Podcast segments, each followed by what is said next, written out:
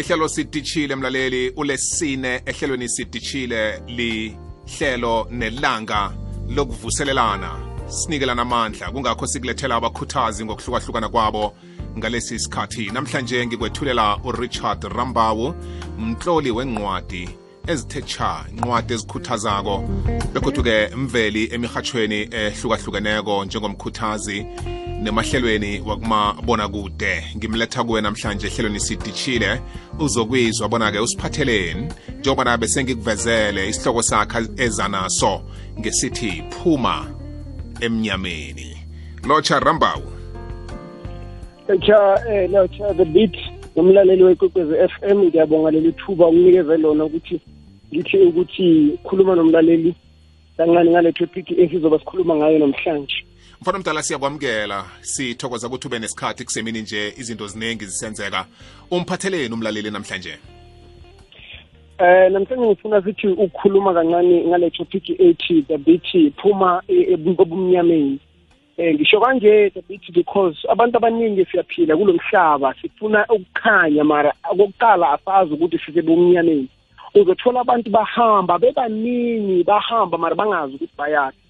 Labo bantu dabithi bahamba ebumnyameni. Mara ma ungathi uya-checksisa kahle or ufike kubo bakuze ukuthi kahle kahle ngiyanibona niyahamba niya kuphi bazokutshela ukuthi baya endaweni esihlukahlukileyo but ma ucheck-a lezi ndawo baya kuzo bafana nabantu abahambayo kodwa bangazi ukuthi bayaphi.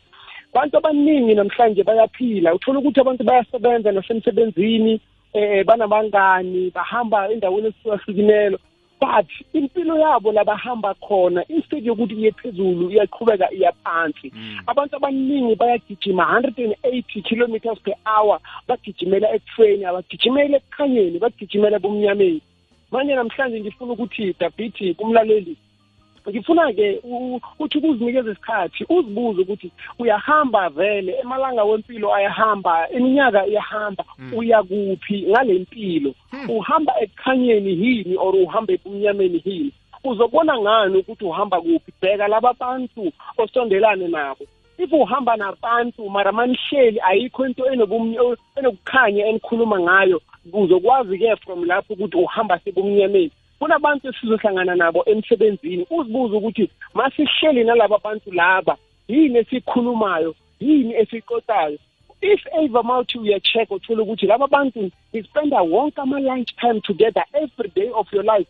But ma ungazibuza ukuthi ufundeni kilaba bantu uthole ukuthi awufundanga next. You must know uhamba ebumnyameni. If uyahamba nabantu mhlambe bangabangani bakho nenza isikhathi dabithi uma ninesikhathi ngama-weekend nihambe niyohlala endaweni ezithile nithi niyakhuluma but ma nithi niyabheka lento enikhulumayo akukho okuhle kuzovela kule conversation. You must know uhamba sebumnyameni. Manje mina ngilapha emlaleli wami ukutshela ukuthi phuma ebumnyameni. Life is too short to keep around. Abantu abangakwa abangazi ukuthi bona bayaphi ngempilo. Life is too short mthombothi. Namhlanje ungazithola ukuthi uhamba sebumnyameni kusasa awusekho. Namhlanje ungazithola ukuthi ufuna ukukhanya mara ugcine sewufa ungakakutholi lokukhanya because uyaqhubeka ukuhamba ebumnyameni. Asizukuthola ukukhanya ngokuhamba ebumnyameni. Sothola ukukhanya ngokuphuma ebumnyameni silande ukukhanya la kukhona. Sometimes ukukhanya kula kungabonakali khona ukuthi kuyakhanya.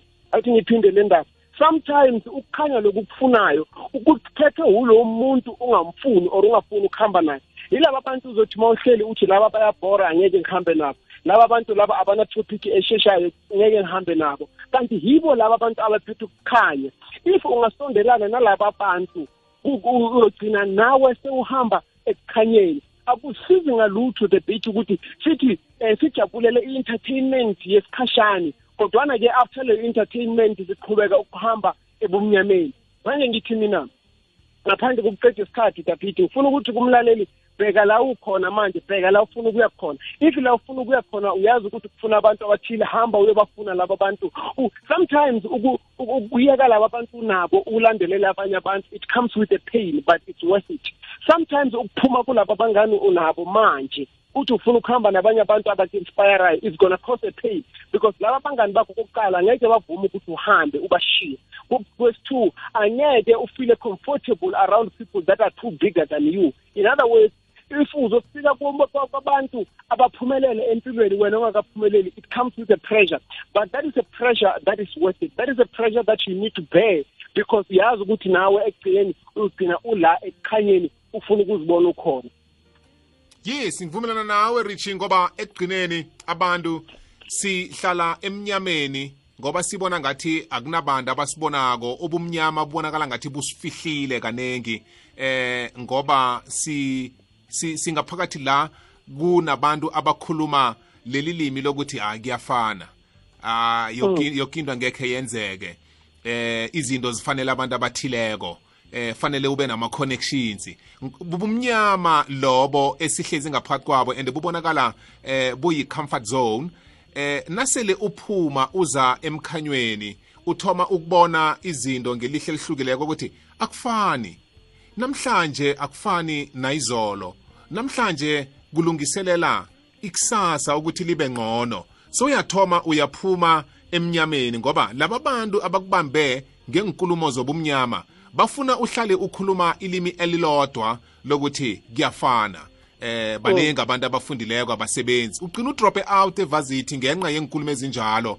Eh kuthiwe no noma ungayithoma ibhizinisi abantu angekhe bakusekele. Uhlale namakhono onawo ungawasikimisi ngenkulumo ezinjalo ezikubeka emnyameni. Kodwa namhlanokha uthoma ukwazana nabantu abathi ithoma ibhizinisi.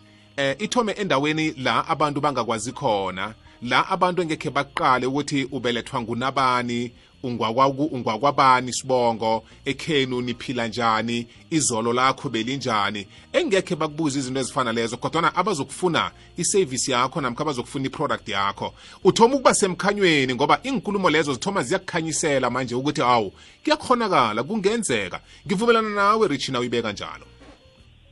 Ngiyabonga mthomboti akukho okubuhlungu njengomuntu okhawunta iminyaka lesekayiphilileyo mara angayikhawunti i-progress yaleyo minyaka.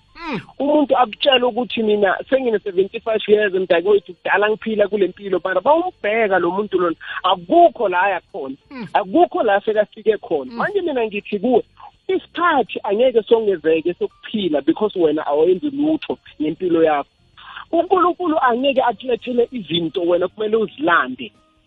Sometimes sometimes isimo sanamhlanje singakwenza ukuthi ufise ukuthi angeke sishintshe. I mean unga- ungafisa ukushintsha mara ke sona sikutshele ukuthi angeke ukhona ukushintsha because ngiya- ngi- ngina- ngina- ngiyabhiliva mthombothi ukuthi wena ma ukhuluma something ngomlomo wakho nesimo siyakhuluma ngevoice yaso yes. Uzothola ukuthi wena ukhuluma impumelelo isimo sithi bheka uzophumelela kanjani wena? Bheka around wena. Akekho umuntu ophumelele la kini akukho umuntu ungathi uyabona bona nyana impilo uzophumelela kanjani? Ivoice yesimo. Mara mina ngithi ukuze uphume ebumnyameni vuma ukuthi isimo sizoshintsha uqala ukukhuluma i-positivity akugcini ngokuyikhuluma i-positivity ma uqeda ukuyikhuluma kumele ulandelele uhambe la i-positivity ikuletha khona.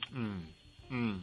Ngiyakuyizwa Richi ngivumelana nawe mfana omdala ngenxa yesikhathi eh asiyicedelele ngokuthi umlaleli angahlali khulu endweni ezinganamkhanyo. Eh ngoba zona lezo zinto ezinganamkhanyo ngizo ezizomdlela isikhathi. Bengikhuluma nobiziwe emalangeni la nasihlukanako nakangenako siyaqoqa siyahleka ngithi kuye yazi kunento abantu esingayaziko ukuthi amalanga awapheli kuphela umuntu. Eh leli langa elikhanyisa la lakhanyisa nangeenkhathi zabo Jesu Kristu. Lakhanyisa nangeenkhathi zabo Mose. Lakhanyisa nangeenkhathi zaka Adam soloko kusesengilo lona lela langa lela eladalwa kanye laba ngilo lajama lapha. Zange khelishuguluke lokho kukodwa kutsho ukuthi amalanga awapheli ilanga lipheli ilanga lijame lapha lipheli lijamile lilodwa. Nethi okwenzakala ukuthi liyasithela liyabuya liyasithela liyabuya. Lona lingilo ilanga. Kodwana umuntu umuntu nguyophelako. Kuba yini ngitsho so eh, rich ukuthi umuntu angapheleli emnyameni umkhanyo ukhona. Mm, mm. I- i- ilanga mthombothi lizohlala lingalanga ama-seasons azohlala awu-four in this life.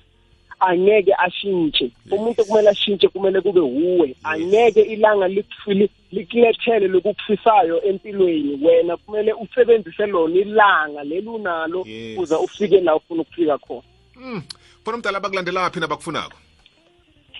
Ah, mthombothi abala- aba- abafuna ukungilandela bangilandela ngine-Facebook page ethi Richard Rambau motivational page. Uh, it's Richard Rambau motivational page. Eh ibe khona futhi ku ku- ku- ku WhatsApp inumber ethi 082 755 0703 awuthi ngiphinde 082 755 0703 ungangithola ku ku- ku- ku call and ungangithola futhi ku WhatsApp. Kube nemini emnandi mfana omdala ngithokoza ukusikhupha emnyameni nawe uhlale emkhanyweni. Ngiyabonga tabhithi awuzweke ngurichard rambawu ngamlandela mlaleli. Landela ikwekwezi fm enkundleni zokuthindana silandela kutwitter uthi at ikwekwezi underscore fm silandela ku-instagram uthi at ikwekwezi fm thanda ikhasi lethu ngolike kufacebook elitlolwe ikwekwezi fm kukhanya ba